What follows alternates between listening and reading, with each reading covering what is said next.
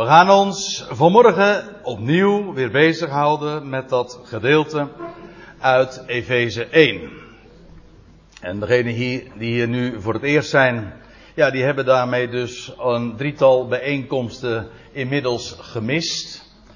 Maar ik heb het wel zodanig ook een beetje ingepland dat dat toch gemakkelijk moet op te pakken zijn. Voor degenen die dus niet die ondergrond hebben die we zojuist en tevoren in de voorgaande drie bijeenkomsten hebben neergelegd. En dat moet goed te doen zijn. En één ding is wel duidelijk geworden, dat is dat Efeze 1, precies zoals in de MBG-vertaling er ook boven staat, dat gaat over rijkdom. En vandaar ook de schatkamer. Het is een opeenstapeling van rijkdommen die de apostel voor de heidenvolkeren daar, daar optekent. En wat we daarbij allemaal hebben besproken, ja, dat zou ik u natuurlijk zo gemakkelijk kunnen samenvatten. Maar de beste manier lijkt mij gewoon, zoals we dat gisteren en eergisteren ook hebben gedaan, gewoon te lezen en dan met de precisie van, de, van die tekst die ik u heb, heb getoond, iedere keer ook in de interlineair, om met precisie ook te zien, wat heeft de apostel nou eigenlijk opgeschreven en wat hebben we tot dusver gezien. En dan haken we straks aan bij vers 9 en bij vers 10. Laat ik eerst eens lezen. Paulus, afgevaardigde, apostel van Christus Jezus, door Gods wil. Aan de heiligen, die ook gelovigen zijn in Christus Jezus. Genade met jullie en vrede. Daar hebben we ons mee bezig gehouden. Ja, ook met met het feit dat het Paulus is, aan wie zulke geweldige dingen bekendgemaakt zijn, geopenbaard, verborgenheden. Maar altijd begint hij zijn brieven met genade. Dat wil zeggen, vreugde om niet. Gratis. En daarmee ook vrede. Allemaal vanwege het feit dat er een God is die een vader is. Van God, onze vader en van de Heer Jezus Christus. Gezegend begint hij dan in vers 3 na zijn aanhef. Gezegend de God en Vader van de Heer van ons, Jezus Christus, die ons zegent in alle geestelijke zegen, in de hemelse, in Christus.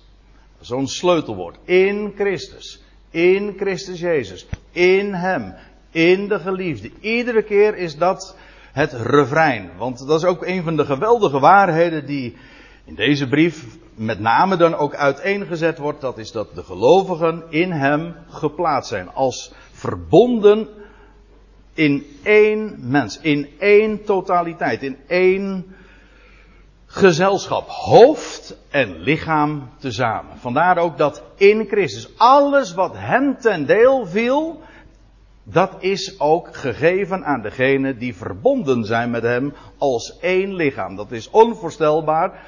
Maar niettemin, dat wordt zo opgetekend. En Paulus vervolgt dan in vers 4 met, zoals hij ons uitkiest in hem. Hij, God, de Vader, kiest ons uit. In hem, heb je het weer. Voor werelds neerwerping. Opdat wij zouden zijn heiligen en smettelozen voor het aangezicht van hem. In liefde. Tevoren ons bestemmend tot zoonstelling. Dat wil zeggen, om straks dat lotsdeel, die erfenis, in ontvangst te nemen. En daar gaan we het straks in het bijzonder ook over hebben. Tevoren ons bestemmen tot zoonstelling door Jezus Christus voor Hem. Naar het welbehagen van de wil van Hem. Tot lof van heerlijkheid van de genade van Hem. Welke Hij ons begenadigt in de geliefde. Het idee daarbij is, dat hebben we daarbij ook heel uitdrukkelijk ook zo onderstreept. Hij koos ons tevoren. Hij bestemt. Het is alles zijn werk. Voordat wij er waren, voordat de wereld geboren werd, had hij zijn plan, zijn voornemen. En daarom, als zulke zegeningen je te deel vallen, dan is dat natuurlijk alleen maar tot lof van zijn heerlijkheid. Tot lof van heerlijkheid. Het is genade, het is vreugde om niet van hem. Ja, van wie anders?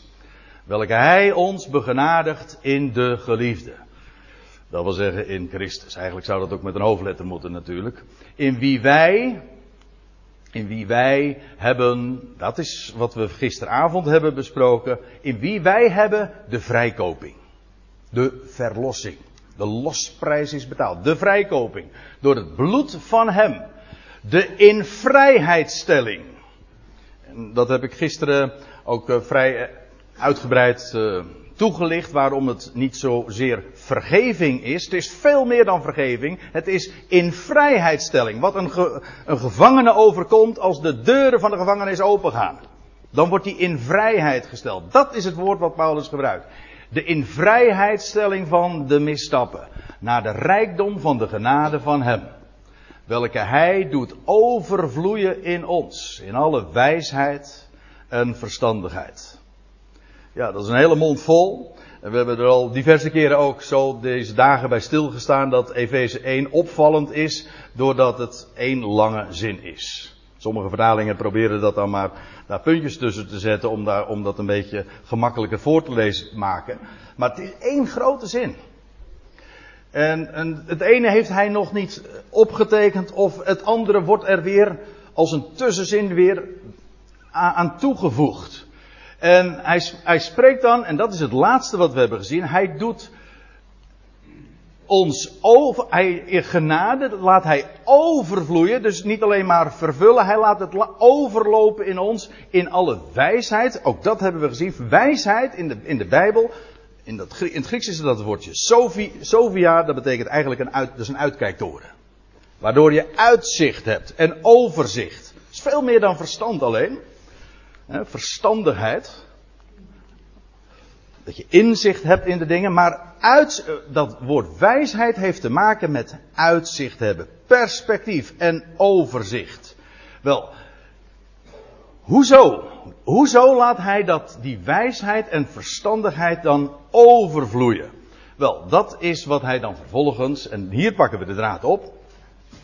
In vers 9 uh, eh, gaat hij dat dan toelichten bekendmakend aan ons. Dus Paulus zegt hier, of schrijft hier, dat die genade bij alles wat hij al opgezond had niet ophoudt. Nee, hij laat, het blijft maar stromen, zodat het zelfs overvloeit. In wijsheid en verstand, doordat hij iets bekend maakt aan ons. En ja, waarin is dat bekend gemaakt aan ons? Gelukkig heeft Paulus niet alleen maar als afgevaardigde van Christus Jezus dat uitgesproken en, en, en, en bekendgemaakt, gewoon via zijn mond, uh, over, oh, in zoveel streken, in zoveel plaatsen, in zoveel steden heeft hij dat allemaal uitgesproken. Ja, maar hij heeft, godzijdank, ook opgetekend. Zodat wij daar nu, 2016, hier in Maren, daar kennis van kunnen nemen. En dat heeft hij, God doet dat doordat hij ook Paulus begiftigd heeft met wijsheid, met verstand. Hij heeft hem, via hem, door hem, door zijn mond en door zijn pen heen, maakt hij die wijsheid en verstand bekend. En laat hij het daardoor ook in ons overvloeien. Maar waarover heeft hij dan? En feitelijk, en dat is wel mooi van deze, van deze bijeenkomst, dat kun ik rustig zo zeggen. Feitelijk met dit gedeelte van deze versen vanaf vers 9, 10, 11, 12 hebben we de kern, het middelpunt van deze hele lofzang te pakken. Want alles wat eraan vooraf gaat, dat is eigenlijk alleen nog maar voorspel. Ook die, als Paulus heeft gesproken over dat uitkiezen, dat is individueel, dat is ook exclusief, de er worden uitgekozen en er worden zonen Mensen die het lotsdeel van hem gaan in bezit gaan nemen. Ja, die zijn voorbestemd. Dat is allemaal zijn plan, zijn voornemen. Jawel, maar waarom dan? Dat is, uitverkiezing is niet exclusief in die zin dat het alleen maar uh, gaat om dat gezelschap. Nee, die worden juist ingezet voor het totaal. Zoals we hebben gememoreerd, Abraham die werd geroepen, uitgeroepen, jawel, maar niet omdat de rest van de aarde God niet interesseerde, opdat via hem en zijn zaad alle geslachten van de aardbodem gezegend zouden worden. Kijk, dat is Gods plan. En dat zie je hier in Efeze 1 ook.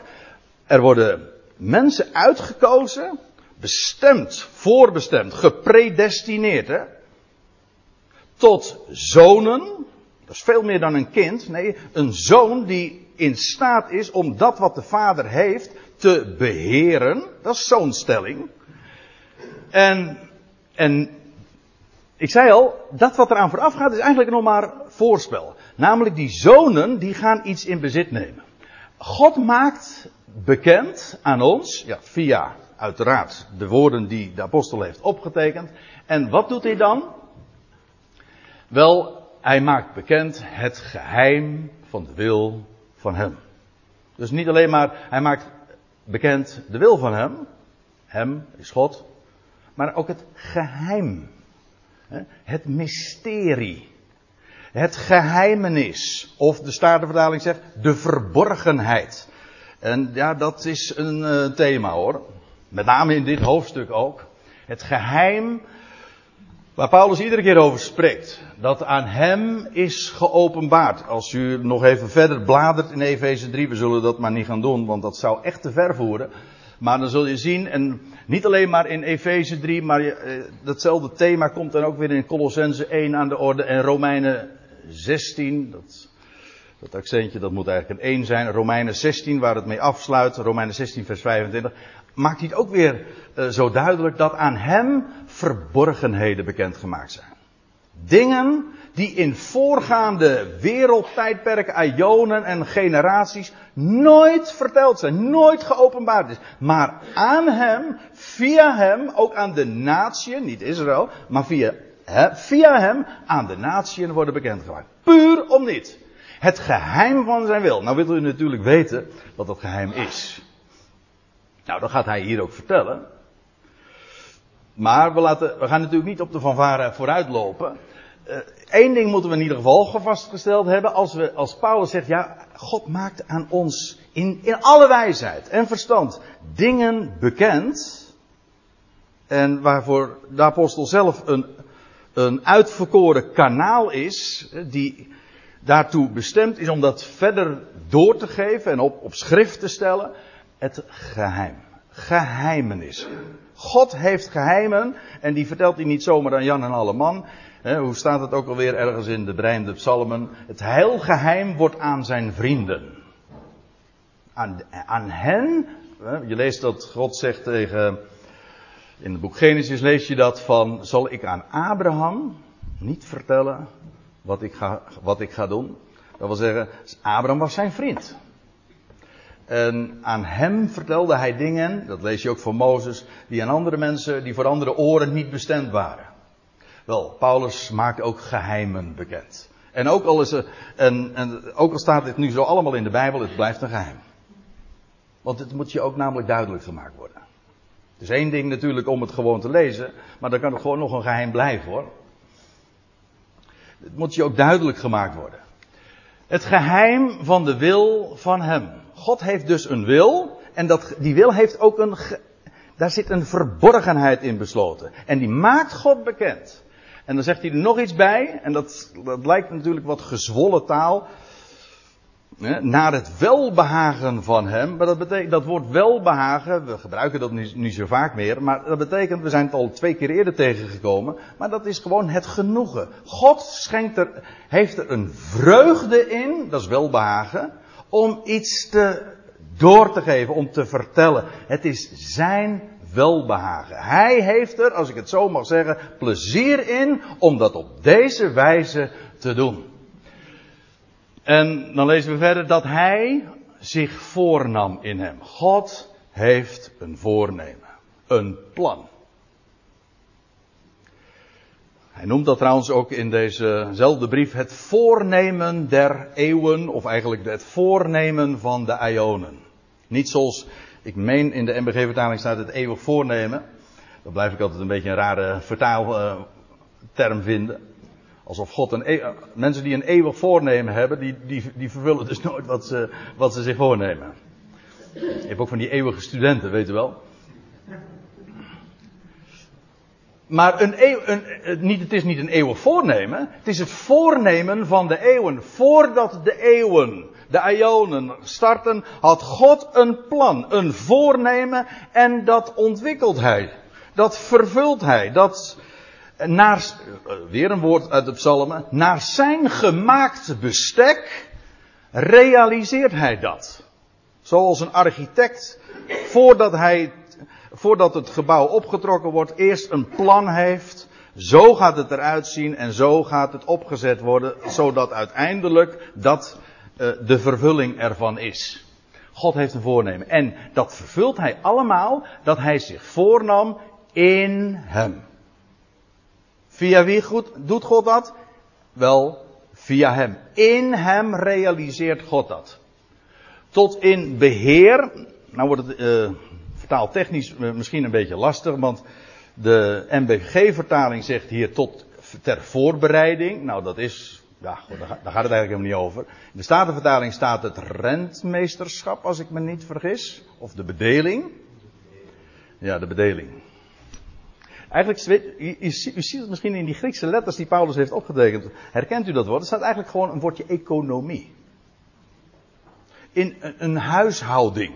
Maar dan niet in de zin van je, je huisje schoonmaken of zo. Nee, een huishouding zoals een, de staatshuishouding. Het hele beheer, zoals de dingen in een huis beheerd geregeld moeten worden. Vandaar ook die weergave, een beheer. Wel, God gaat dat geheim van zijn wil realiseren in Christus. En daar is een, dat wordt toevertrouwd. Daar is een beheer, en let, lees even verder, van de, tot in het beheer van de volheid van de tijdperken. De volheid, dat wil zeggen, het, het komt tot een culminatie, zoals dat met een deftig woord heet. Het komt tot volheid, tot completering. Hij maakt het af. Hij begint iets, maar hij realiseert dat ook. Tot volheid brengt hij het. En dan gaat het hier specifiek over de, de completering van de tijdperken. Van de perioden. Want u weet, eh, God werkt een plan uit en dat is niet alleen maar, zet hij niet alles op zijn juiste plaats in de ruimte, maar ook in de, in de juiste tijd. Hij is niet na te rekenen, maar hij heeft ook een tijd, hij, hij volgt een tijdpad. Het voornemen van de Ionen. In elk wereldtijdperk zet hij weer nieuwe stappen. En er gaat nooit iets mis, maar die tijdperken, de grootste happen van tijdperken die uh, we in de Bijbel kennen, dat zijn, ik heb het woord nu al een paar keer genoemd, maar dat zijn ionen. Altijd wegvertaald met, met werelden of met, met uh, eeuwigheden. Dat kunt u wel vergeten, het zijn gewoon wereldtijdperken die een begin hebben, die een einde. Alleen al in deze brief, dat is heel bijzonder, uh, daar, ja, daar, word je, daar struikel je erover over dat woord. die tijdperken. Zijn, je kunt uh, tijdperken ook nog weer in wat kleinere hapjes nemen natuurlijk. Dat hangt er vanaf. we spreken over decennia, over eeuwen, uren, dagen, maanden, jaren. decennia, eeuwen. Ja, maar de Bijbel spreekt over wereldtijdperken, ionen. En ik, ik, zal u eens eventjes alleen in deze brief even laten zien hoe dat een rol speelt, die tijdperken. Maar ook hoe die tijdperken elkaar opvolgen en vervolgens ook tot volheid gaan komen. Als een, als een bloem die eerst in de knop is en uiteindelijk tot volle bloei komt, tot volheid komt. In Efeze 3 vers 9, dan gaat, gaat het over van Ionen her. Dat wil zeggen, in de wereldtijdperken die al voor ons liggen. En de Ion, in Efeze 2 vers 2 wordt er gesproken over de Ion van deze wereld. Dat is trouwens een boze Ion, zo wordt hij ook genoemd. In hoofdstuk 1 vers 21 wordt gesproken over de toekomende Ion. Ja, kijk, dan moet je natuurlijk af van dat waar, je, waar we misschien traditioneel mee, worden, mee zijn groot geworden. Met, ja, Jezus Christus keert uh, aan het einde der tijden terug. Ja, en dan, is het, dan breekt een eindeloze eeuwigheid aan. Als je dat idee hebt, ja, dan word je echt ernstig geblokkeerd. om dat plan van God te verstaan. Want God heeft een plan van ionen. En het is niet zo dat aan het, bij de terugkeer van Jezus Christus de tijden ophouden en dan de eindeloze eeuwigheid aanbreekt. Nee, bij de terugkeer van de Christus, dan is de, de ion van deze wereld wordt een einde gemaakt, maar dan vangt aan de toekomende ion, waarin Christus zal heersen. Hier op aarde. We hebben er zojuist ook over gezongen. En dan is er een volk dat hij daartoe op aarde ook heeft uitverkoren. En in Jeruzalem, van vanuit Jeruzalem zal des Heeren woord klinken en alle volkeren zullen in die toekomende aion tot komen tot kennis van hem. Dat is die toekomende aion. Houdt het er daarbij op? Nee, want als je nog eventjes verder leest, dan staat er in hoofdstuk 2 vers 7, wordt er gesproken over de komende ionen. Dus die, die, die wereldtijd die gaat komen, de duizend jaren, in openbaring 20 wordt dat zo genoemd, daar houdt het niet mee op. Nee, het is net als met ja, een, een steen in de vijver, weet je wel. De, de kringen worden steeds wijder. En veel, steeds groter, ook steeds heerlijker. De, die, als eenmaal die toekomende ionen gaan aanbreken, dan, dan overtreft de, de, de, de ene ion nog weer de voorgaande. De komende ionen. Ik zeg dit niet om uiteen te zetten van wat er allemaal gebeurt. Het gaat maar even om hoe in, de, in deze brief, in dit kleine briefje feitelijk, de, die ionen, die wereldtijdperken een grote rol spelen. En hoe God een, een script, als ik het zo mag zeggen, afwerkt. Eh, er wordt ook nog gesproken over, en dat is dan die laatste ion, de ion der ionen. Dat is zo'n mooie overtreffende trap, zoals ze in de Bijbel spreken, eh, sprake is van de koning der koningen, of het lied der liederen, of het heilige der heiligen. Dat is, eh, dat heilige der heiligen, dat is het meest overtreffende heiligdom. Nou, die ion der ionen, ja, als u in uw vertaling kijkt, dan staat er van, de, e- van eeuwigheid tot eeuwigheid. Nou, dan, dan, heb, dan heb je echt helemaal de kluts kwijt. Dan, dan, dan, mis je echt iets heel essentieels, wat Paulus juist uiteenzet. Het is de aion van de aionen. Die meest overtreffende, het heilige der heiligen van de aion, om zo te zeggen. En dan lees je ook nog, en ik heb die uitdrukking al even eerder gebezigd, in Efeze 3 vers 11 over het voornemen. Dat plan der Ionen. God heeft een voornemen. God heeft een plan. En het mooie van God is, Hij is God. Hij is God. En hij is de enige. Dat wil zeggen, Hij beschikt alles en er kan nooit iets misgaan, want hij, er is maar één God. En daarom kan Hij ook van de. Kijk, stel je voor dat er twee of drie of vier goden waren. Dan zou uh, wat de ene God zich voornam, neemt, zou weer gedwarsboomd kunnen worden door de andere God. God zij dank is dat niet zo. Die, de ene God, die heeft een plan en van de beginnen verkondigt hij de afloop. Waarom?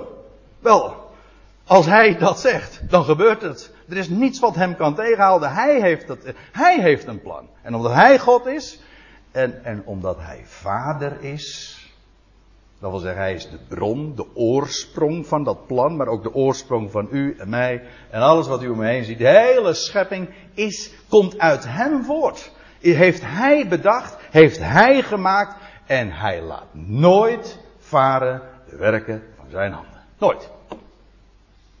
Volgens mij is dat het evangelie in een nooddop. Nooit laat hij dat varen. En dus dat voornemen der Ionen, succes verzekerd. Daarom heet hij ook de gelukkige God. Waarom is hij gelukkig? Het, kortste en het mooiste antwoord dat ik daarop kan bedenken, hij is gelukkig omdat hem alles gelukt.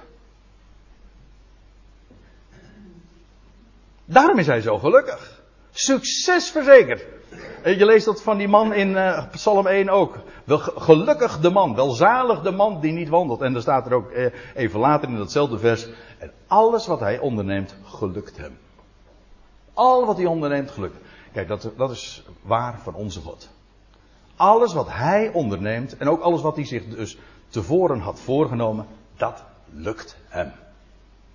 Prijs hem. Lees even verder, want je zou er zomaar in blijven haken.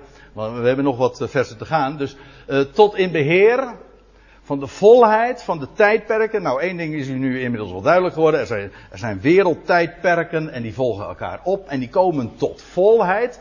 En dan gaat hij in die volheid, in die vervulling, die completering van die tijdperken, iets, ja, gaat hij samenvatten. In de MBG-vertaling heeft het eigenlijk best wel goed neer, weergegeven, want daar zit het woordje hoofd in. Onder één hoofd samenvatten onder, onder één hoofd brengen. Wat, uh, het wordt in de Bijbel ook, ditzelfde woord wordt één keer meer gebruikt en dan gaat het over inderdaad samenvatten. Zoals wij dat trouwens ook zeggen. Uh, bijvoorbeeld, je schrijft een stuk, uh, bijvoorbeeld voor de krant, en dan zet je er een kopje, een hoofd boven. En dat hoofd, dat is de samenvatting. Dat, waar gaat dat stukje dan over? Wel, dat staat in dat hoofdje, in dat kopje, daarboven. Nou, dat is eigenlijk dit dat onder één hoofd samenbrengen. God, in, dat, in die completering van die tijdperken, gaat hij alles onder één hoofd samenvatten. Ja, het al. Let, tapanta. Dat wil zeggen, niets uitsluitend. Alles. Ziet u hoe wijds en groot God denkt? Hij kiest uit, en dat is exclusief. Je daar vandaag al bij betrokken mag zijn. Maar vergis je nooit God heeft het totaal, het geheel, de volkeren, wat zeg ik, hemel en aarde, geen creatuur uitgezonderd op het oog. Om het al in de Christus, de Christus, dat is, dat is eigenlijk het, dat was het thema van vorig jaar. Hè? Het geheim van de Christus. En toen hebben we wel gezien, de Christus, dat is maar niet alleen maar Jezus Christus daarboven nu, ontrokken aan het oog. Nee, de Christus, dat is Hij, inclusief zijn lichaam. Dat wil zeggen, de gemeente. Hoofd en lichaam. De Christus is dus niet alleen maar het hoofd. Dat is incompleet. Het lichaam is zijn, dat staat trouwens aan het einde van hoofdstuk 1, zijn completering. Maakt hem compleet. Zoals mijn lichaam, mijn hoofd is niet compleet zonder mijn lichaam. Dat begrijpt u. En dat van u trouwens ook niet. Hm? De Christus. Hoofd en lichaam. Om, u ziet het, die wereldtijdperken, die komen uiteindelijk tot een, tot volheid. En dan gaat hij alles samenvatten. Alles onder één hoofd brengen. Dat is de Christus. En dan staat er nog bij, om, om het nader te verklaren, hoewel je het eigenlijk had uh, zelf wat kunnen bedenken dat dat zo is, maar het is een bevestiging dat het inderdaad het al is, de dingen op de aarde. Dat wil zeggen, meervoud. Het, dat wat op de hemelen is, dat is de manier zoals de Bijbel daar ook over spreekt. Hè? Dingen zijn op aarde en dingen zijn ook op de hemel, op hemels. Hadden we het ook al even over. De dingen op de hemel, de dingen op de aarde, het maakt eigenlijk gewoon niet uit. En als je even verder uh, leest, dat doorbladert in, in het Nieuwe Testament, in, ik heb u al eerder gezegd, die Colossensebrief, dat is een brief die gelijktijdig geschreven is met de Efezebrief, ook gelijktijdig verzonden is. Dat lees je aan het einde van die beide brieven. Maar het bijzondere is, die brieven lopen ook parallel. En verklaren elkaar ook soms uh, heel frappant. We zullen vanmiddag daar trouwens ook een mooi voorbeeld nog van zien. Maar uh, over dat hemel en aarde en over dat het al. Je leest uh, in Colossense 1, dat is ook zo'n schitterend passage over dat God door hem, ik, ik begin dan in vers 20, op dat God door hem te verzoenen. Dat wil zeggen, alle vijandschap gaat teniet doen en vrede gaat maken. Vijandschap en vrede en vervreemding, daar komt een einde aan. Hij gaat het al tot zichzelf verzoenen.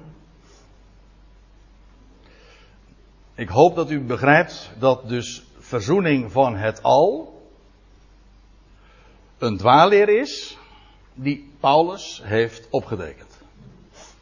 U begrijpt wat ik bedoel. Hm?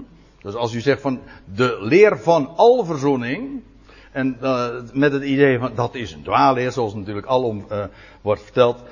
Uh, men realiseert zich niet, het is gewoon dwaasheid als men dat zegt, want men weet niet eens dat dat woord het alverzoening gewoon rechtstreeks ontleend is. Men heeft dat zelf niet verzonnen, men heeft dat van Paulus. En Paulus maakt een geheim bekend en iets groots en en dan spreekt hij over de verzoening van het al. En hij noemt dat dan nog even later in hetzelfde hoofdstuk. dat is de hoop van het evangelie. Dat wil zeggen, alle vijandschap, alle vervreemding, daar wordt een einde aan gemaakt. Hij gaat het verzoenen. Tot zichzelf. Vrede maken door het bloed van het kruis van hem. Dat wil zeggen, het gaat via hem. En God maakt vrede, juist doordat zijn zoon ooit zijn leven gaf. Ook voor allen. Door het kruis van hem, het zij wat is op de aarde, het zij wat is in de hemel. U ziet, dit loopt parallel met wat we lazen in Efeze 1. Gewoon het totaal, het geheel. Zo groot denkt onze God. Zoals hij de schepper is van alles, zo is hij ook de verzoener van alles. En hoe doet hij dat? In en via zijn zoon. In Filippenzen 2 lees je dat God hem ook uitermate verhoogd heeft en hem de naam boven alle namen geschonken. De naam van God zelf, de naam van Yahweh. Jezus betekent ook Yahweh, Jehovah, zo u wil, red. De Heere red. Hij heeft de naam boven alle namen gekregen. Opdat in de naam van Jezus, daar heb je hem. De naam van Jezus, Yahweh red zich alle knie zou buigen. En dan staat er letterlijk van ophemelsen, van opaardse en van onderaardse. En alle tong zou beleiden, let op de tong hè. Niet de lippen, is geen lippendienst, de tong. En beleiden van binnenuit. En bovendien, het is tot eer van God de Vader. Ze zullen allemaal zeggen, Jezus Christus is Heer. Nu is het nog een, een enkeling, zeg maar, die dat echt van harte mag, eh, mag zeggen. Maar er komt een moment dat alle tong dat zal beleiden. Er staat trouwens nog bij, en elke knie. Oh ja, wacht, dat, is, dat we zojuist op. Dat alle knie buigt en alle tong dat zal erkennen. Jezus Christus is Heer. Dus geen knie uitgezonderd, geen tong uitgezonderd, die tot deze erkenning hartelijk zal komen en wie je ook bent, als je, zegt, ik geloof hier geen barst van wat jij nu zegt. Ik zeg, maakt me niks uit, maar ik weet één ding. Jouw knie, jouw tong gaat dit ook één keer. Jouw knie gaat buigen en jouw tong zal dit beleiden. En ik zal je nog sterker vertellen. Dit is feitelijk een citaat uit het boekje Jesaja. En daar staat zelfs dat de Heere heeft gezworen bij zichzelf. Dat doet God niet gauw hoor, zweren. Een paar keer lees je dat in de Bijbel. God zweert bij zichzelf dat het zo zal aflopen. Eén groot halleluja eindigt deze schepping. Nou, eindigt deze, dan, dat is de vervulling van al die tijdperken. Ik lees even verder.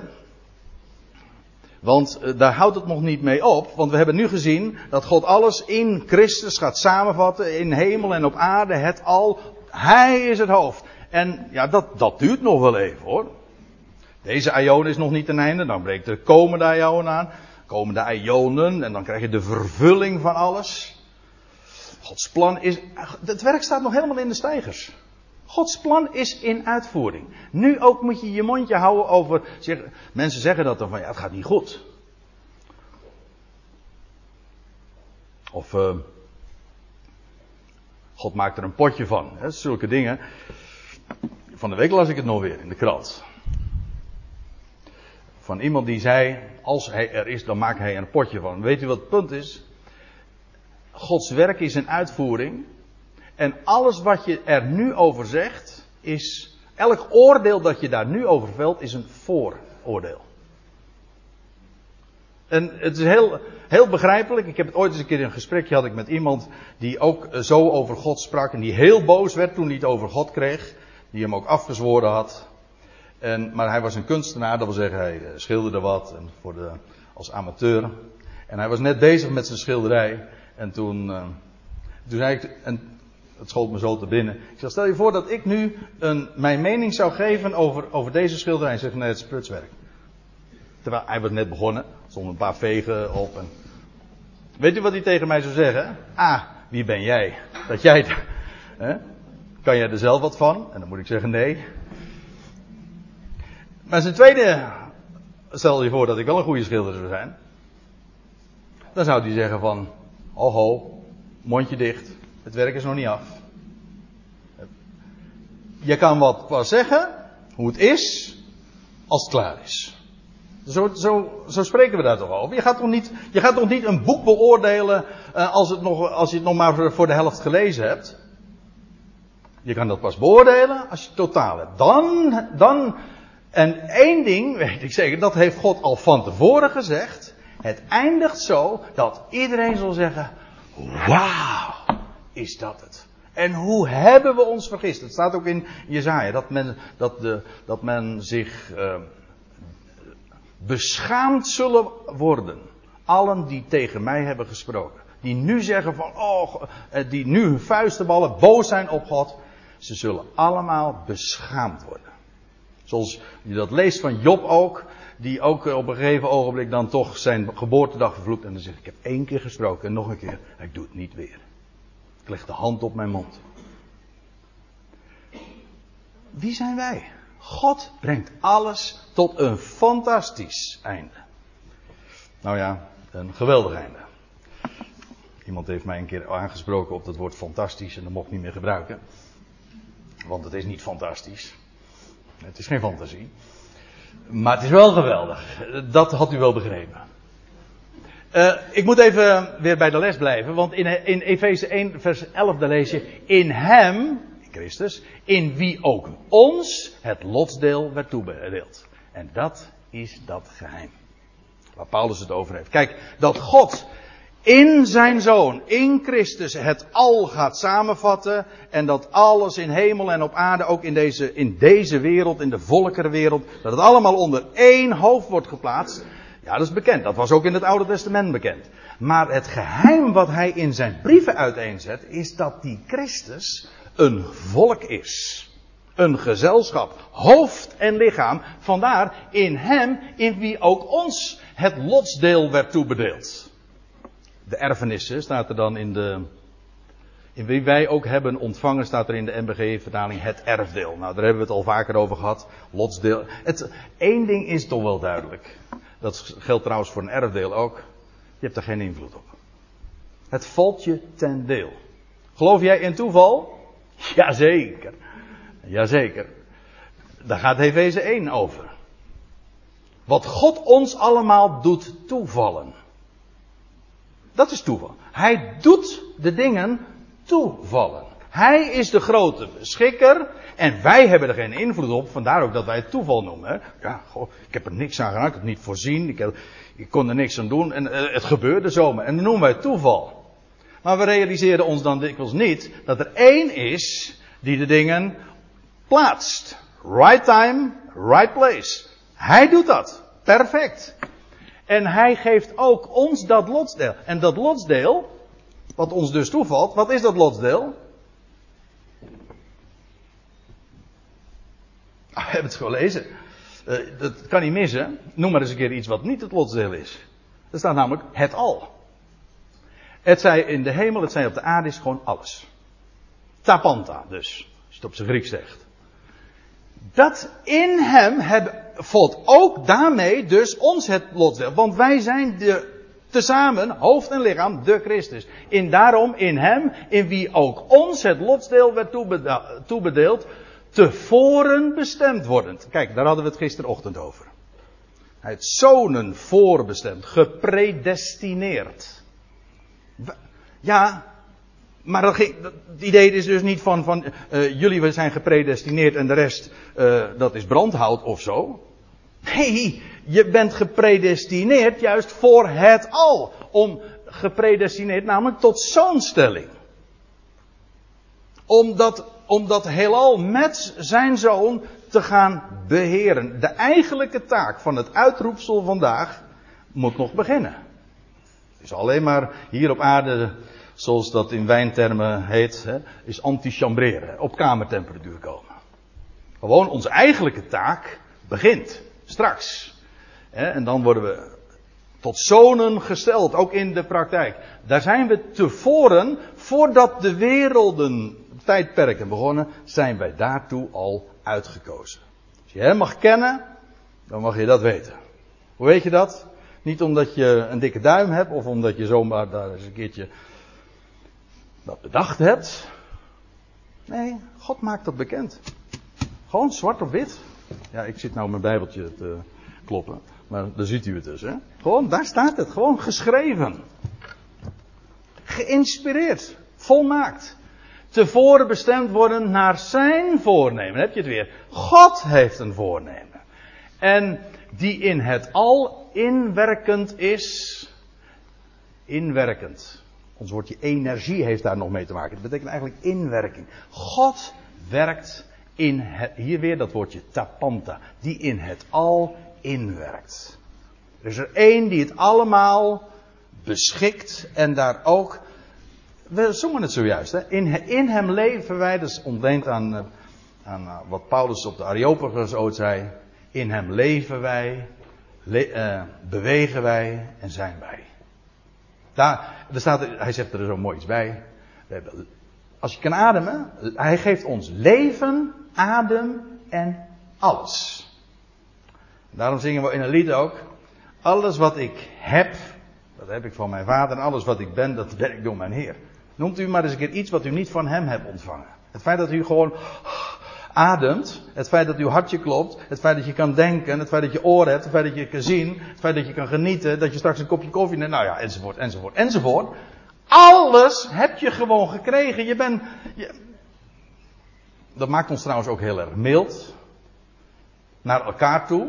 Ook naar jezelf trouwens. Dat is ook nog een bijkomend voordeel. Waarom? Ja, niemand heeft zichzelf gemaakt.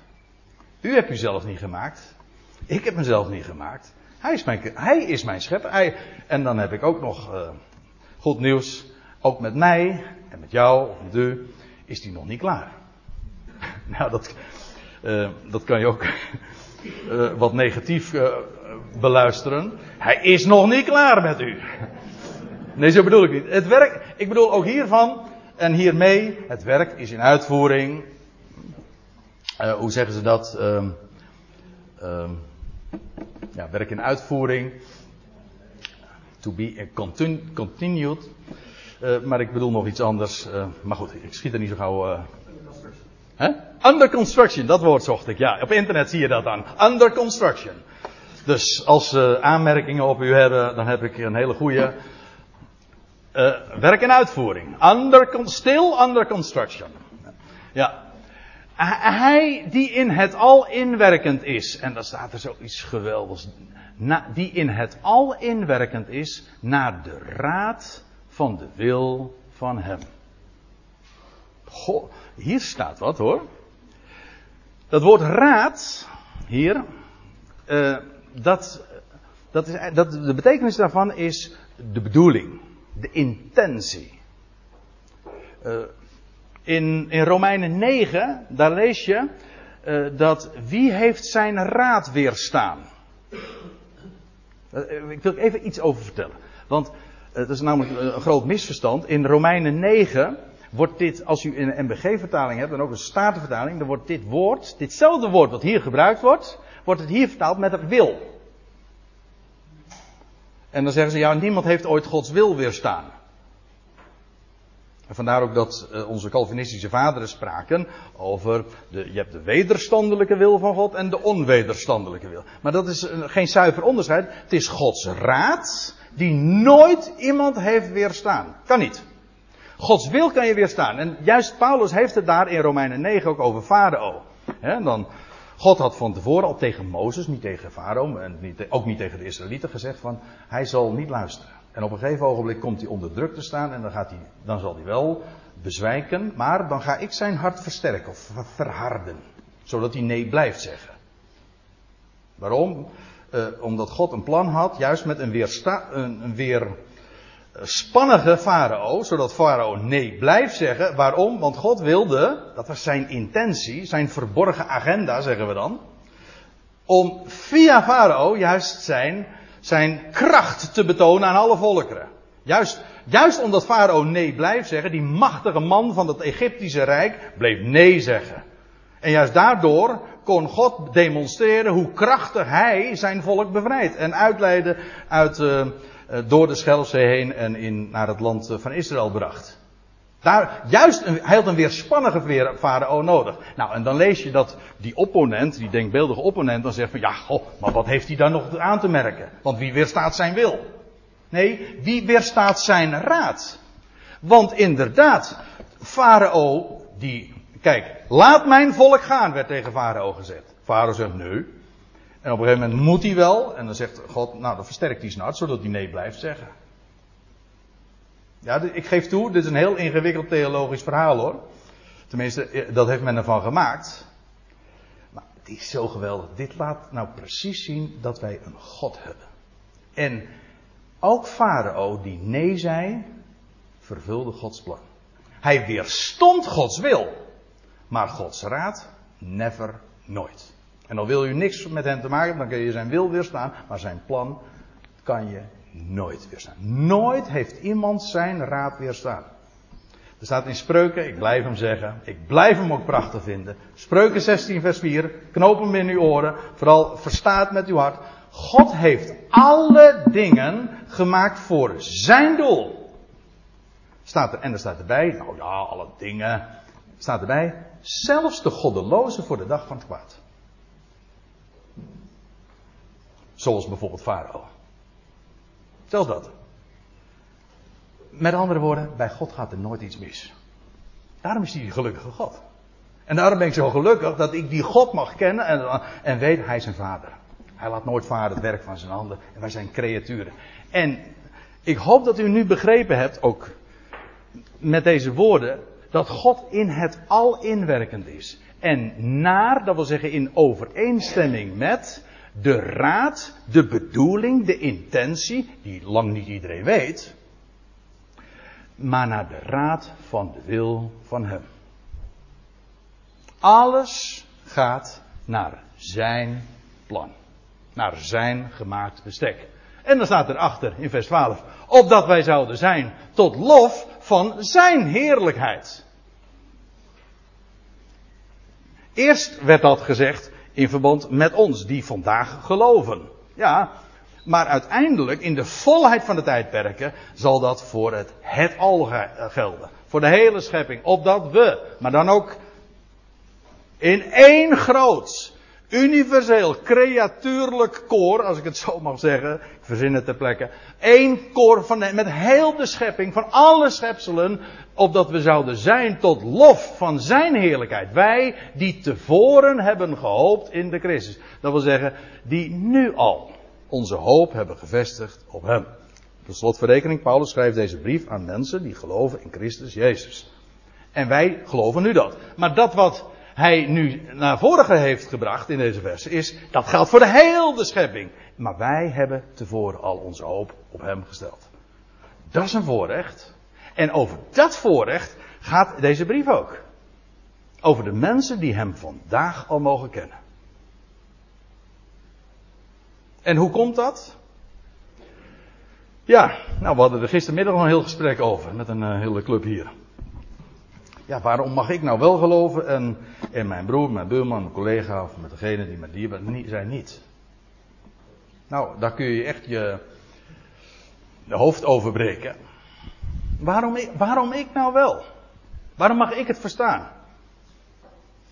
Nou, dan zijn er mensen die zijn, en ik, ik, ik aarzel niet om dat gewoon puur arrogant te noemen. Hoogmoedig ten opzichte van God. Ja, maar dat komt omdat ik voor Jezus gekozen heb. Ja. Het klinkt wel vroom, maar het is dwaas. Als je hem mag kennen. Ik vraag me trouwens af als je dat zo schreef, of je hem überhaupt kent. Dan is het eigenlijk, dat is feitelijk weer, omdat ik gekozen heb, dat is eigenlijk weer eigen werk. God kiest uit. God heeft je lief en hij bestemt je en hij opent ook ogen en oren en harten. Als je hem mag kennen, als hij jou overtuigd heeft, prijs hem, maar het is zijn werk. En daarom is het ook allemaal tot lof van zijn heerlijkheid. Dat kun je ook van harte zeggen, alleen maar als je weet, het is uit hem en door hem en tot hem. En er zit helemaal geen greintje eigenlijk. Het is dus puur een voorrecht als je nu al tevoren, dat wil zeggen voor die volheid van de tijdperk, nu al hem mag kennen, met je tong mag beleiden, hij is Heer.